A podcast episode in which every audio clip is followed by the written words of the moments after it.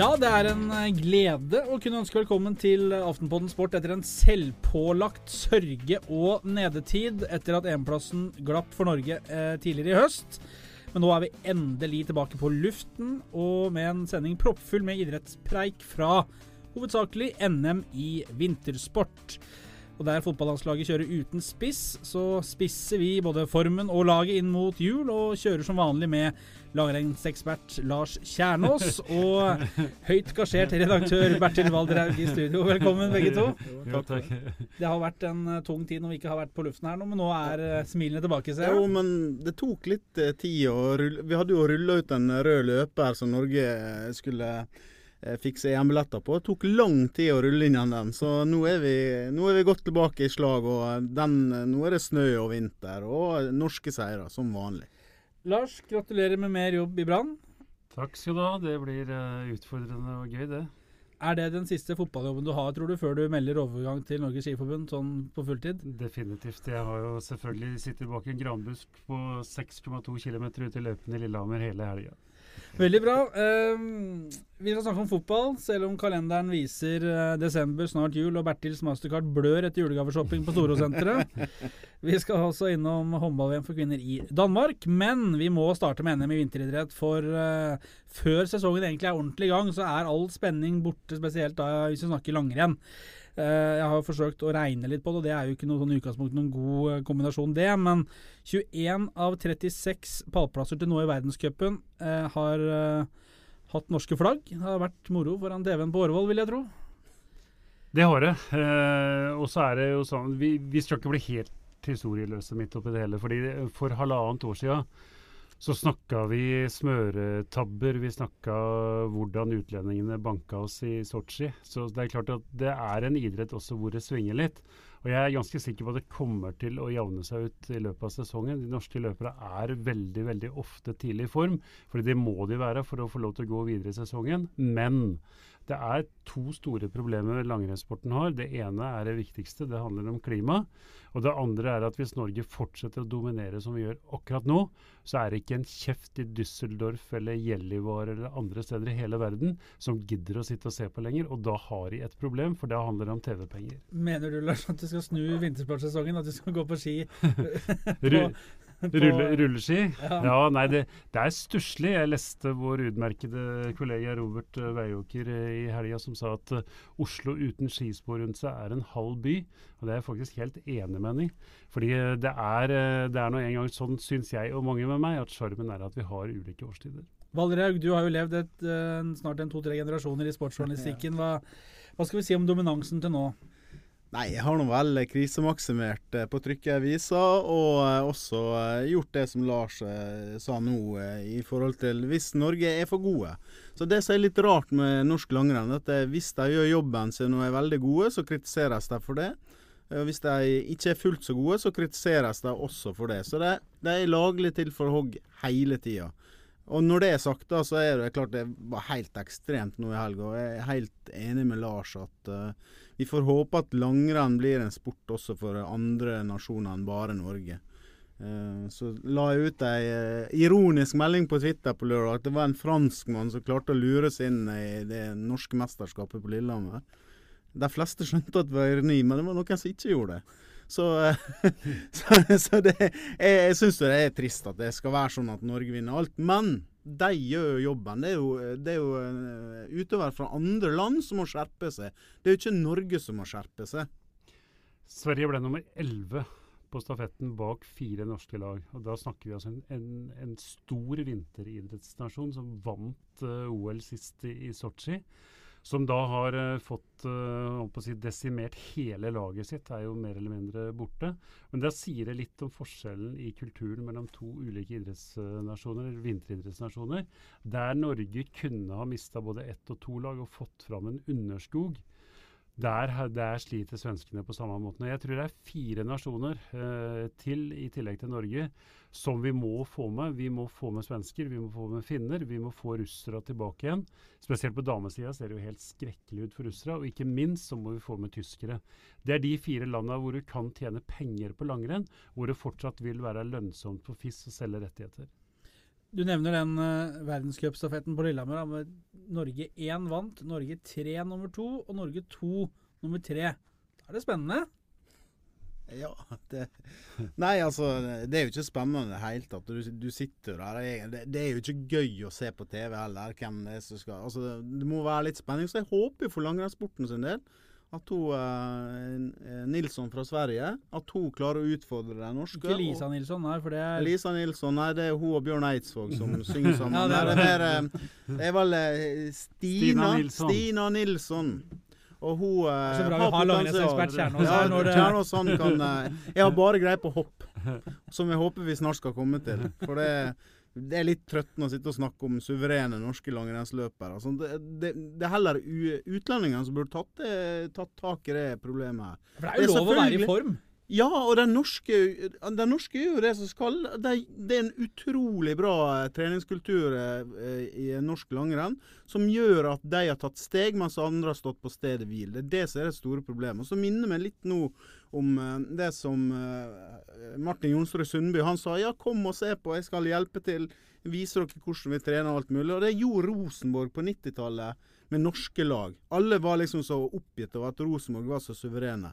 Men den eneste måten så, uh, man kan angripe det på som motstander, det er å prøve å bli like god som dem. Og det er faktisk det andre som må gjøre noe med. Det er ikke Norge som gjør noe med. De kan åpne dørene og vise dem slik trener vi, og sånn må du trene for å bli best. Ja, det er jeg helt enig i. Og så er, er, det litt greit midt i det vi snakker norsk dominans, å huske på at de to kanskje aller mest suverene vintersportsutøvere den helga her, har ikke vært norske. Vi hadde Martin Fourcade i skiskyting, og vi har Hirscher i, uh, i alpint, som vant både super-G og storslalåm. Det siste vant han altså med omtrent et halvt, uh, en halv ettermiddag.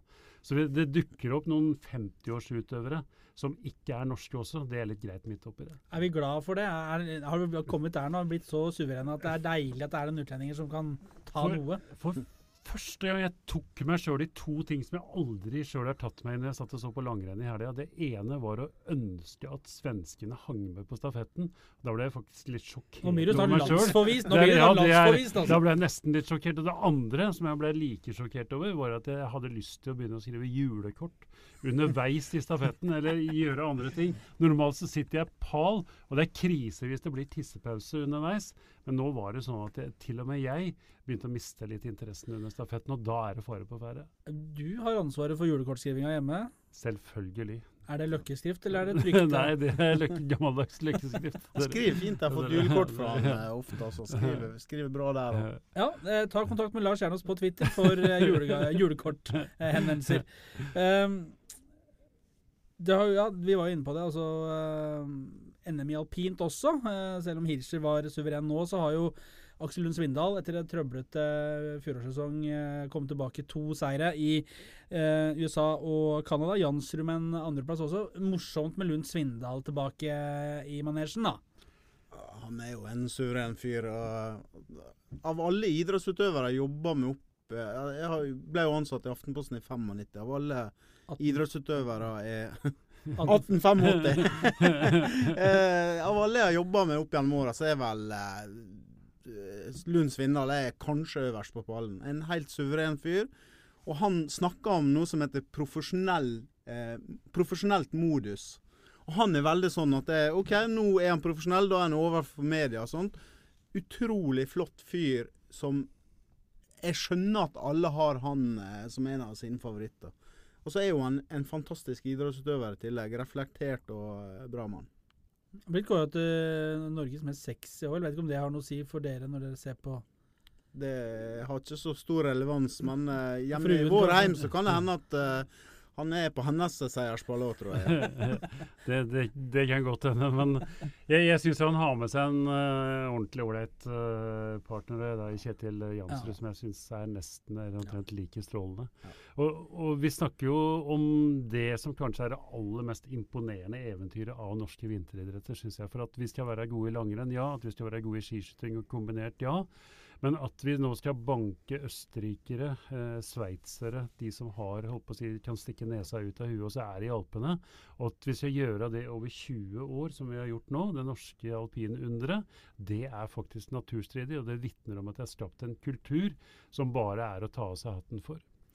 Bertil, du har jo forfektet interessen for skihopping her nå i hele dag. Oh. og husker jo tilbake til eh, før det var eh, kunst i, i sporet over en, og det var, det var kunstige overrenn også, men uh, uh, hopperne har vist finfin form. Uh, vi har to seier i verdenscupen. Daniel Tande og Kenneth Gangnes nå sist. I tillegg tre øvrige uh, pallplasseringer. Det er jo eh, det, er, altså, det er ikke bare langrenn. Altså, det er skiskyting, og det er alpin, og det er alt. Altså, jeg, jeg tenker på av alt det store som skjedde i helga. Det var eh, norske idrettsprestasjoner på meget høyt nivå. Men det, som er, det øyeblikket som rørte meg mest i helga, det var da treneren til han Kenneth Gangnes ble intervjua, han som heter Gjermund Lunder.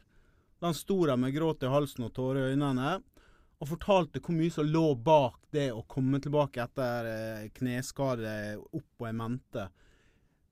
Idrett er følelser, idrett er engasjement, og de TV-bildene der, det ga meg gåsehud. Det var helt fantastisk å se på. Og det er så godt å se sånne altså, Da skjønner man hvor mye hardt arbeid og slit som ligger bak eh, sånne triumfer. Du som en gang var en knallhard tabloidjournalist, eh, har du blitt soft? Jeg begynner å bli soft med åra, vet du. Sånn, sånn, er det. Jeg husker en annen gang jeg lå hjemme og, eh, med, og, så, og, og så på hopp i 1996.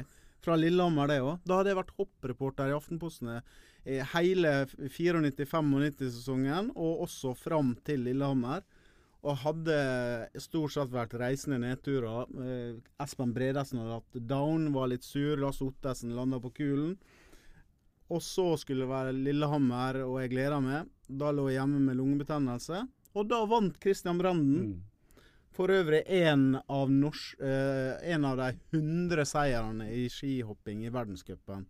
Eh, han vant jo den 100. Kenneth Gangnes. Og, det, og Norge vant laghopp i, i, VM i Falun. De fire som vant der, de var alle borte fra rennet i går. Eneste var Anders Fannemel altså, som ikke greide å kvalifisere seg. Velta har tatt en pause, og de to andre er lagt opp. Allikevel så er det altså to norske utøvere som står på pallen, og det forteller jo litt om den kulturbygginga som vi snakker om òg. Men jeg har en quiz. Det er jo helt ja. riktig som Valderhaug sier. Vi har tatt den seieren til Gangnes nå, var nummer 100.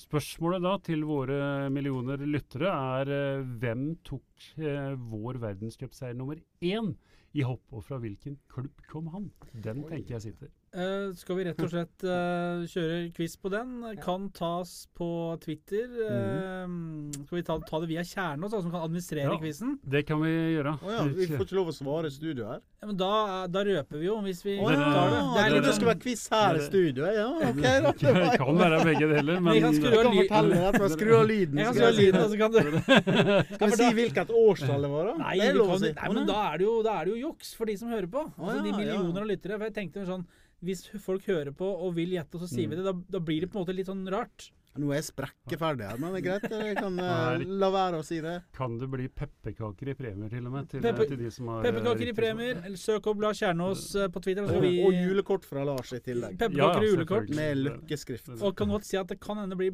Bertils pepperkake, for det er en egen eh, pepperkakemerke ja, som heter Bertils. Testvinneren Bertils. Testvinner Bertils pepperkake. Med én fot. ja. Skuddfoten.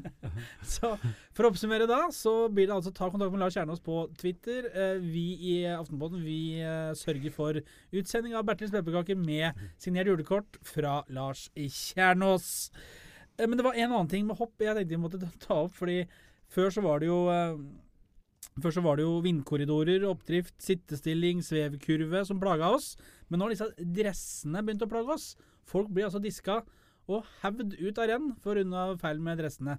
Eh, kan vi oppklare litt her? Har vi den Vi har jo hoppekspertisen her.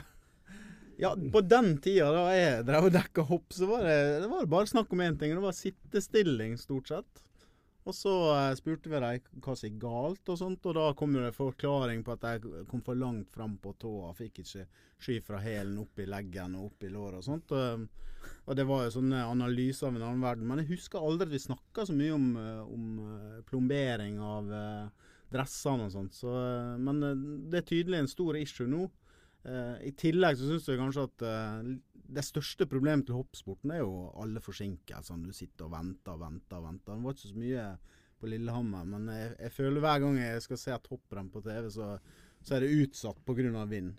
Ja, du, du, må sette av hele dagen, stort sett. og Det, det er et kjempeproblem. I tillegg til det så, så, må du nesten være matematiker for å finne ja. ut hvem som vinner rennet. Du, du skal regne ut uh, vindkoeffisienter og avsatser og fandens oldemor. og det, det, det, tror jeg hopp, hoppsporten lager et problem for seg sjøl.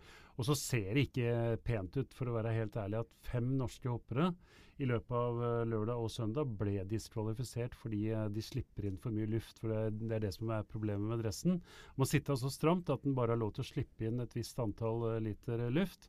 Og den satt altså så slakt. fordi de tøyer strikken og skal selvfølgelig dra den helt til, til de ikke får lov. Men det ser ikke vakkert ut at, at det blir fem stykker diskvalifisert fra samme land. Samtidig da, så er jo det her sånn varsku. Da, da, er ikke det lov lenger. Sånn som det var med, med fotball med taklinger bakfra. Sånt, da Marco von Basten ble jo eh, sagd ned gang på gang, og Maradona i sin tid. Eh, til slutt så sa eh, reglene at eh, hvis du gjør det, så får du kort. Og så blir du utvist hvis det er stygg takling bakfra. Så, så var det stort sett slutt på det, da. Og så tenker jeg i forhold til hoppsporten nå får man eh, stramme inn reglene, og etter hvert så forsvinner det. Fordi da skjønner de risikoen for å eh, justere den dressen litt, eh, litt, for løs. Den er for stor, for da blir du utvist, eller du blir bortvist fra rennet. Ja, men han, han østerrikeren som Det var jo en uh, reportasje på han østerrikeren som sto og målte, uh, og han ser ut som Hey, I'm Ryan Reynolds. At Mint Mobile, we like to do the opposite of what Big Wireless does. They charge you a lot, we charge you a little. So naturally, when they announced they'd be raising their prices due to inflation, we decided to deflate our prices due to not hating you. That's right. We're cutting the price of Mint Unlimited from $30 a month to just $15 a month. Give it a try at mintmobile.com slash switch. $45 upfront for three months plus taxes and fees. Promote for new customers for limited time. Unlimited more than 40 gigabytes per month. Slows. Full terms at mintmobile.com.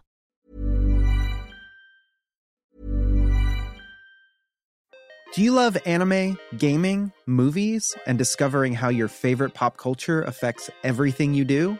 Then join us on Crunchyroll Presents The Anime Effect. I'm Nick Friedman. I'm Lee Alec Murray. And I'm Leah President.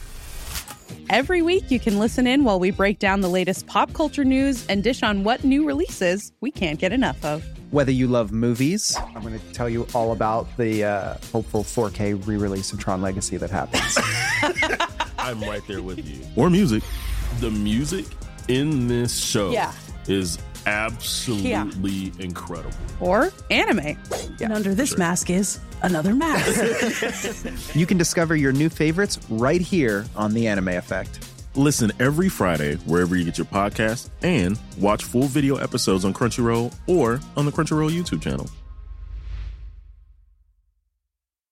Ryan Reynolds here from Mint Mobile. With the price of just about everything going up during inflation, we thought we'd bring our prices down. So to help us, we brought in a reverse auctioneer, which is apparently a thing. Mint Mobile unlimited premium wireless. Ready to get 30, 30, bit to get 30, bit to get 20, 20, 20, bit to get 20, 20, bit to get 15, 15, 15, 15 just 15 bucks a month. So, Give it a try at mintmobile.com/switch. slash $45 up front for 3 months plus taxes and fees. Promo for new customers for limited time. Unlimited more than 40 gigabytes per month slows. Full terms at mintmobile.com.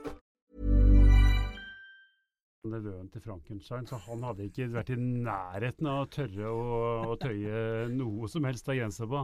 Han hadde holdt meg godt innafor reglementet hvis han skulle måle dressen min. Kan vi ende opp i en situasjon der, som det var når du begynte å dekke hoppsport, Bertil, at vi får liksom gode gamle Vømmelsbuksa og skjorte og slips og Kongsbergknekk. Og, og Kongsbergknekk, liksom.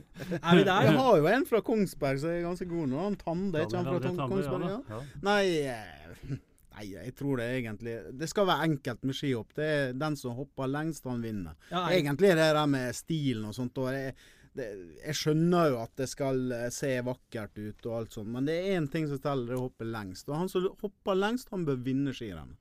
Da gleder vi oss allerede til skiflyvning, som uh, pleier å krydre tablået på uh, nyåret. Um, siste, siste punkt nå på vintersportlista her, det er Ole Einar Bjørndalen. 41 år. Tok sin 95. verdenscupseier over tre år etter den 94 og hadde den gule ledertrøya for første gang på over seks år. Hvor imponert er to skal, voksne menn av, av, det han har levert? Jeg tenker hvis, hvis Bjørndalen som 24-åring hadde blitt slått av en 41-åring, så hadde han tenkt hva er det han gjør som jeg ikke gjør for å bli best? Og jeg tenker det er mange eh, skiskyttere som må se seg sjøl i speilet og tenke hva i alle dager vi driver på med, som blir slått av han Altså Med all mulig respekt, men 41 år gammel, da skal han ikke vinne de rennene hvis alle andre gjør jobben sin, tenker jeg. Jeg har, jeg har mange eh, vinteridrettshelter, men Ole Einar Bjørndalen er, er, kanskje min aller aller største helt, i hvert fall blant eh, de nåværende. Og det, det, er fordi han eh, ved siden av å være en utrolig likende eh, fyr utad, som jeg tror ikke et menneske har noe vondt å si om, så er han en perfeksjonist av dimensjoner. Og du, du ser jo for deg at dette her er livet hans 24 timer i døgnet, sju dager i uka. Og det er jo så nydelig hver gang sånne vinner renn, sjøl om han er 41 år. Det er vakkert. Hva, hvilke meritter har dere fra 41 år? Med gevær på ryggen? Nei, det er Hovedsakelig sportslig. da. Nei, altså, vi gikk jo rundt eh, Vi leika skiskyting da jeg var guttunge. Vi gikk rundt huset, og så kasta vi snøballer på, eh, på garasjeveggen. Det var skiskyting. Men problemet nå er jo at det ikke er snø, så det er litt vanskelig å både gå på ski og kaste snøball. Så snøen må komme. Vi er i ferd med å bli helt snøblinde, så vi beveger oss innendørs nå. Vi, vi, må en tur innom Danmark, for der er det jo håndball-VM for uh, kvinner. Og det blir jo ikke jul før vi har eh, feira et gull sammen med Torir og hans, hans håndballjenter. Spørsmålet er om det samme skjer i år, da, etter en litt sånn keitete start med tap for Russland. Hva tror vi? Da må vi få et uh, forsvar som uh, fungerer. Uh, fordi sjøl om jeg ikke skal titulere meg i nærheten av håndballekspert Det kan hende at det blir etter denne analysen. Jeg har, jeg, har, jeg har, faktisk spilt håndball i, i rundt ti år, så, så vi, litt, litt, kan jeg om kan det. Kan vi få litt av den bakgrunnen før vi går videre da? jeg har stått i mål faktisk i, yes. i Årvoll i rundt ti år. Jeg var en av Norges dårligste keepere, men jeg har nå stått der. I, som hvert fall, ung gutt, eller som Nei, fra jeg var 16-17 til jeg var godt opp i 20-åra. Yes. Så så faktisk spilt sammen med eh, en eh, god del eh, folk som hadde masse landskamper da det var et samarbeid mellom Årvoll og Refstad i sin tid. Så bitte litt Refstad er jo et godt håndballag ja, ja, i Norge. Det var jo Vestlig. Og blei seinere Vestlig. Ja. Så, så, men så, så du, så nå, bitte, du vil ha fokus vekk fra deg nå? Ja, kan, vi, kan, vi, kan vi ikke bare få et par navn av hvem du har spilt sammen med? da? Eller mot? Liksom? Rune Sterner og Ulf Magnussen spilte i Midtforsvaret sammen. De var til sammen altså 4 meter og 20 cm høye og veide 150 kg. Og den sesongen de spilte i Midtforsvaret, etter å ha trappa ned, så var det helt umulig å ikke være god, for da fikk du ikke skudd på det i det hele tatt. Så da skinte en ung og lovende Kjernås? Ja, i hvert fall, det var, vil si at jeg var litt mindre dårlig enn jeg var de andre åra. Det er vel viktig å si. Vær så god videre på din analyse. Ja, nei, da, vi må få et forsvar som fungerer. fordi midt i det at vi har uh, lagd det laget mye raskere og lavere, altså med lavere høyde, som har en del fordeler offensivt, så har det gått utover det defensive. og Det, det så vi jo i oppkjøringa i Møbelringen Cup òg. Og vi så det i første matchen mot Russland, at det er altfor lett å bare gå opp på 9-10 meter og skyte over et forsvar. Ikke vinner vi dueller én mot én, og ikke står vi så tett i sammen. Ikke greier vi å blokkere skudd. Så, så den defensive delen, eh, den er jeg litt bekymra for. Men offensivt er det jo moro for all del. Altså, de jentene har jo også en kultur som gjør at de tåler å tape. Og det mesterskapet er jo så dumt lagt opp. Uh, unnskyld meg, men når du da har så stor ulikhet mellom laga, så kan du ikke lage puljer med seks lag hvor fire går videre. Da er du nødt til å gjøre det innledende spillet litt mer spennende. Jeg skjønner at uh, du får bedre motstand i, i uh, åttendelsfinalen på den måten hvis du blir nummer én, men det blir for lite spennende. Uh, Nora Mørk, uh, Heidi Løke, du har uh, Veronica Christiansen, som liksom er Representerer en ny, som du var litt inne på, altså litt lavere, litt mer eksplosiv, litt mer teknisk. altså En annen type håndball. da. Nye helter på gang her også. I, altså Nå har Nora Mørk vært med en stund, men Veronica Christiansen også, som går inn i posisjoner og erstatter uh, tunge navn som uh, Goksør, Grini og enda lenger tilbake også. Gro Hammerseng. ja. Vi har jo hatt de siste 20 åra her nye adventsstjerner hvert år. Stort sett hvert år, da. Mm. Bortsett fra at de har hatt et par dårlige mesterskap. men det, det, mesterskapet her starta jo egentlig ikke før i sluttspillet, sånn som det pleier å gjøre. Altså det, det, det bare spiller seg varme, og så, eh, og så kommer, eh, kommer spenninga litt, litt, etter litt. Eh, selv om jeg hadde ikke regnet med at jeg skulle tape første kampen. Men, så det er vel ut i neste uke en gang vi kan begynne å, kan begynne å snakke om at det blir skikkelig nerver. Men det, det, er, det, er, utrolig artig å se på, eh, på eh, kvinnehåndballen, hvordan den utvikler seg i løpet av disse 20 åra siden Cecil en Gang sto i, i, mål her på, i, på hjemmebane under eh, VM. Altså hvor utrolig fort det går framover. Det er så kjapt. Og så tenker jeg at det, det jo Hele Norge gleder seg til at Norge vinner, slik at vi får høre henne Camilla Herrem. Camilla Herrem synger Tore Tang for en gang, Nei, for en gang det, til, eller Kjetil? Nei, det orker jeg ikke. Nei. Nei altså, da, er det bedre å bli, da er det bedre å tape finalen. Da. Ja, du mener det. Ja. Ja. Jeg var altså på den gullbanketten til håndballjentene i London-OL i 2012, hvor hun da Det står da hele troppen i flotte røde kjoler og med litt champagne i hånda. Og Det var fin stemning på en mottagelse der. Og så står det altså da Unnskyld uttrykket, ei kauke fra Stavanger og skulle synge Tore Tang. Altså, det var så pillig at det Ja. Um, ja, ja. Men eh, som gammel keeper, da, Lars. kan det gå helt til topps uten Katrine Lunde? Ja, det, det, tror jeg, fordi Så du er håndball, du, Nå er du håndballekspert? Ja, er da, nei, men De to keeperne som er der, har jo dokumentert før at, at de har holdt mål og vel så det i mesterskap. Eh, Solberg ble jo kåra til beste keeperen i fjor. Kari Olvik Grimsbø redda oss under OL i, uten henne. Hadde ikke vunnet OL-gull i 2012. Så det er klart vi kan det, men sånn helt uh, fra sofaen uten å ha greie på det, så, så ble jo jeg sikkert like overraska som de fleste andre at de utelot hun som har vært best over så lang tid. Det var litt rart. Men, men uh, det blir sånn at hvis hun blir savna i løpet av mesterskapet, så blir ikke Norge verden, verdensmester. Um, hvis hun ikke savnes, så vinner Norge. Så, så enkelt er det. Fordi at keeperne i håndball har så mye å si for å lykkes og gå hele veien. Og da, da, må du ha kanskje den beste keeperen i hele mesterskapet for å stå igjen med gullet til slutt. Press på håndballjentene i Danmark, men dette er også en meget spennende uke for fotballfolket. For gruppespillet i Champions League rundes av. Tre av fire engelske lag står i fare for å ryke ut før liksom eh, eh, grommerunden begynner. Eh, Manchester United, Chelsea og Arsenal risikerer alle å gå inn i 2016 ute av Champions League, men inn i Europa League, da. Men eh, hva er det som er gærent med disse Premier League-lagene, som gjør at de kan ryke på huet og ut? De utvikler ikke mange nok eh, gode spillere, rett og slett, i England. Det er, eh, altså Selv om må si at nå har England et ganske ungt og spennende landslag, så jeg tror jeg er over den verste bunn. Men eh, sagt litt før i dag at plukk ut en liste over de 50 beste spillere i verden. Hvor mange engelske spillere finner du der? Svaret på det for meg i hvert fall er enten ingen eller, eh, eller kanskje Joe Hart. Jeg, jeg, ser ikke mange engelske spillere som går inn der. Ta den neste lista på engelske managere. Hvis Real Madrid i morgen skulle ansatt ny manager og hadde satt opp ei liste over de 20 mest aktuelle, hvor mange engelske managere, ikke britiske, altså, men hvor mange engelske managere finner det der? Da finner du fort ut at engelsk fotball har to store problemer. Det ene er å utvikle gode nok spillere, det andre er å utvikle gode nok ledere. Dvs. Si forvalte den enorme rikdommen sin over til å bli en bærekraftig utvikling av, nøkkel, av nøkkelfolka i bransjen.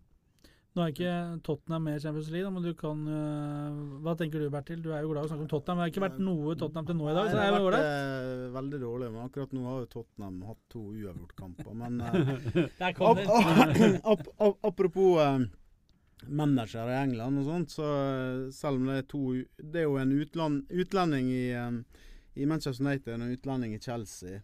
Og det er ikke noe sånn prakteksemplarisk eh, oppførsel, eh, verken eh, Louis van Gaal eller José Mourinho. Som vi har snakka om før, og som vi kan snakke om igjen nå. Uh, Louis van Gaal sitt uh, utbrudd mot uh, Roar Stokke, f.eks. Eh, det er jo bare en av de tingene. Så jeg regner med Stokke får et uh, fint postkort fra van Gaal der han ber om unnskyldning. Eller hva du sier Kjetil? Men, men, men, men, men, Premier League den, den sesongen her syns jeg har vært dårlig, for å si det veldig brutalt. Jeg syns til og med en del av toppkampene har vært dårlig. Og Da tenker jeg på de to punktene som det bør evalueres fra. Det ene er intensitet. Og det andre er å mestre den intensiteten med å gjøre de riktige tinga sjøl i et høyt tempo. Og jeg synes, uh, altså, Selvfølgelig dumt å generalisere, men jeg, jeg, jeg syns at selv alle topplaga som var tippa før sesongen, Manchester City, Manchester United, Arsenal og Chelsea, har hatt så store og så klare svakheter i spillet sitt at jeg syns det har vært den svakeste Premier League-sesongen på lenge så langt. Uh, hvem av de tre managerne, da Louis van Gaal i United, José Mourinho i Chelsea eller Arsène Wenger i Arsenal, tåler uh, en Champions League-exit nå minst? Wenger. Nei, sorry. Mourinho. Mm. Uten, uten tvil. Wenger blir sittende så lenge han vil, det er nesten overbevist om. Van Gaal kommer til å få mer tid, mens Mourinho tåler ikke det pga. den starten de har hatt i Premier League, enkelt og greit. Å tape mot Bournemouth i tillegg, så er det sånn. Jeg, jeg, jeg trodde da de klarte å ta poeng mot selveste Tottenham, så, så jeg, da trodde jeg at de hadde snudd litt. Det så ut som de hadde fått litt orden på det defensive. Og selv om de spilte uten spiss eh, på White Hart, så så det sånn ut. Men så klarte jeg å tape mot Bournemouth. Altså, det er jo ikke noe superlag, det. Så jeg tror Mourinho lever farlig hvis de ryker. Morsomt med Joshua King, da, apropos Bournemouth, som har uh, funnet fasongen litt nå uh, sent i høst. Litt for seint for, for Høgmo, men uh, var god. Og så var det han som Glenn Murray som kom inn for King, da, som avgjorde mot uh, Chelsea. Sånn er det. Men morsomt med King, da. Ja, moro med King og moro med Håvard Nordtveit, moro med Tarek som spiller igjen. Det som er litt uh, rart og litt uh, dumt, for å knytte det tilbake igjen til den Ungarns-fadesen, uh, er jo det at nå spiller jo en to-tre av de som ikke var med i Ungarn, spiller jo ganske vesentlige roller i store ligaer. Men litt for seint.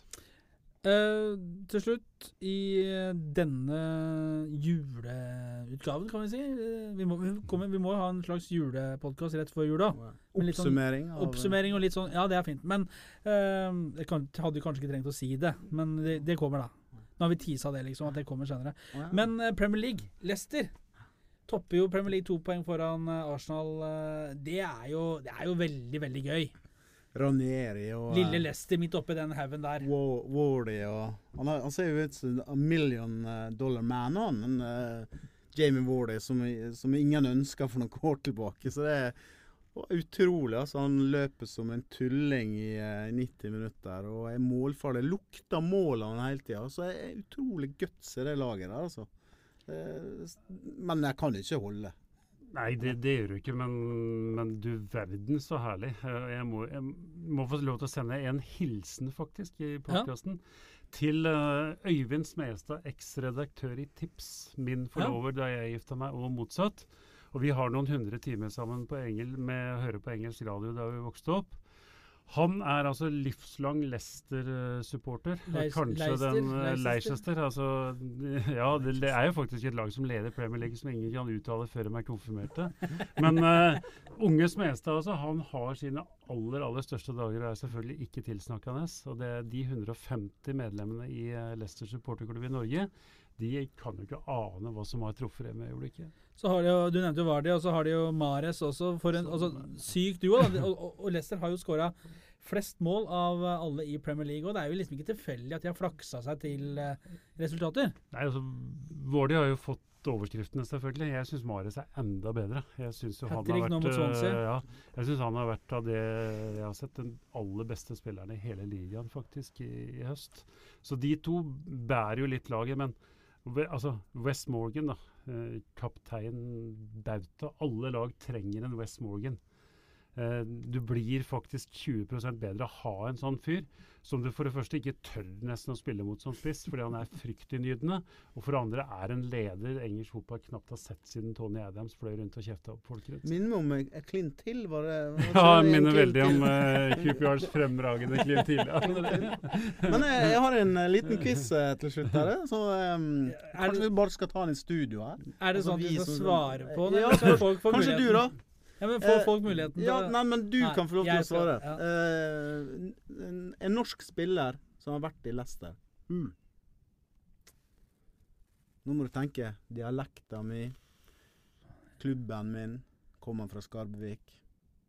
Har spilt i Start. Har spilt i Lillestrøm. Uh, Kjetil Osso, nei. Riktig! Han var utleid fra uh, Nottingham til Leicester. Du så, Nå så du blek ut, Ja, Kjernos. ja, Ja, til og med- Langrennseksperten ja, det, det. det blir, har hatt for mye tanker rundt uh, passeringstider. Jeg tror han fikk fire-fem kamper. eller noe, så det var Fotballekspert ikke- Kjetil Flygen tok den lett. Jeg hadde jo samme fornavn også. Ja, det var, altså, det, var, det var det jeg skulle være siste ledetråden. Samme fornavn. ja, men jeg tenkte, altså, det, det var, altså, det, Nå er jeg fornøyd. Ja, veldig bra. Nå Du skal jeg- får fornya tillit til neste sending. Jeg får fornya tillit til neste sending. Det skal alle glede seg over, for det er ikke veldig lang tid til vi sveiver i gang igjen. Eh, Til den eh, tid så eh, lykke til med julekortskriving, Lars, og Bertils uh, kredittkort som skal gjøre jobben for fruen før jul. Vi sier takk for følget, og glem for alle like quizen til Lars Kjernås. eh, Så si ha det, da. Ha det bra. Ha det. I'm Nick Friedman. I'm Lee Alec Murray. And I'm Leah President, and this is Crunchyroll Presents The Anime Effect. We are a new show breaking down the anime news, views, and shows you care about each and every week. I can't think of a better studio to bring something like this to life. And Yeah, I agree. We're covering all the classics. if I don't know a lot about Godzilla, which I do, but I'm trying to pretend that I don't right Hold now. it in. Hold it. And our current faves. Luffy must have his due. Tune in every week for the latest anime updates and possibly a few debates. Oof. I remember, what was that? Say what you're gonna say, and I'll circle back. You can listen to Crunchyroll Presents The Anime Effect every Friday wherever you get your podcasts. And watch full video episodes on Crunchyroll or the Crunchyroll YouTube channel.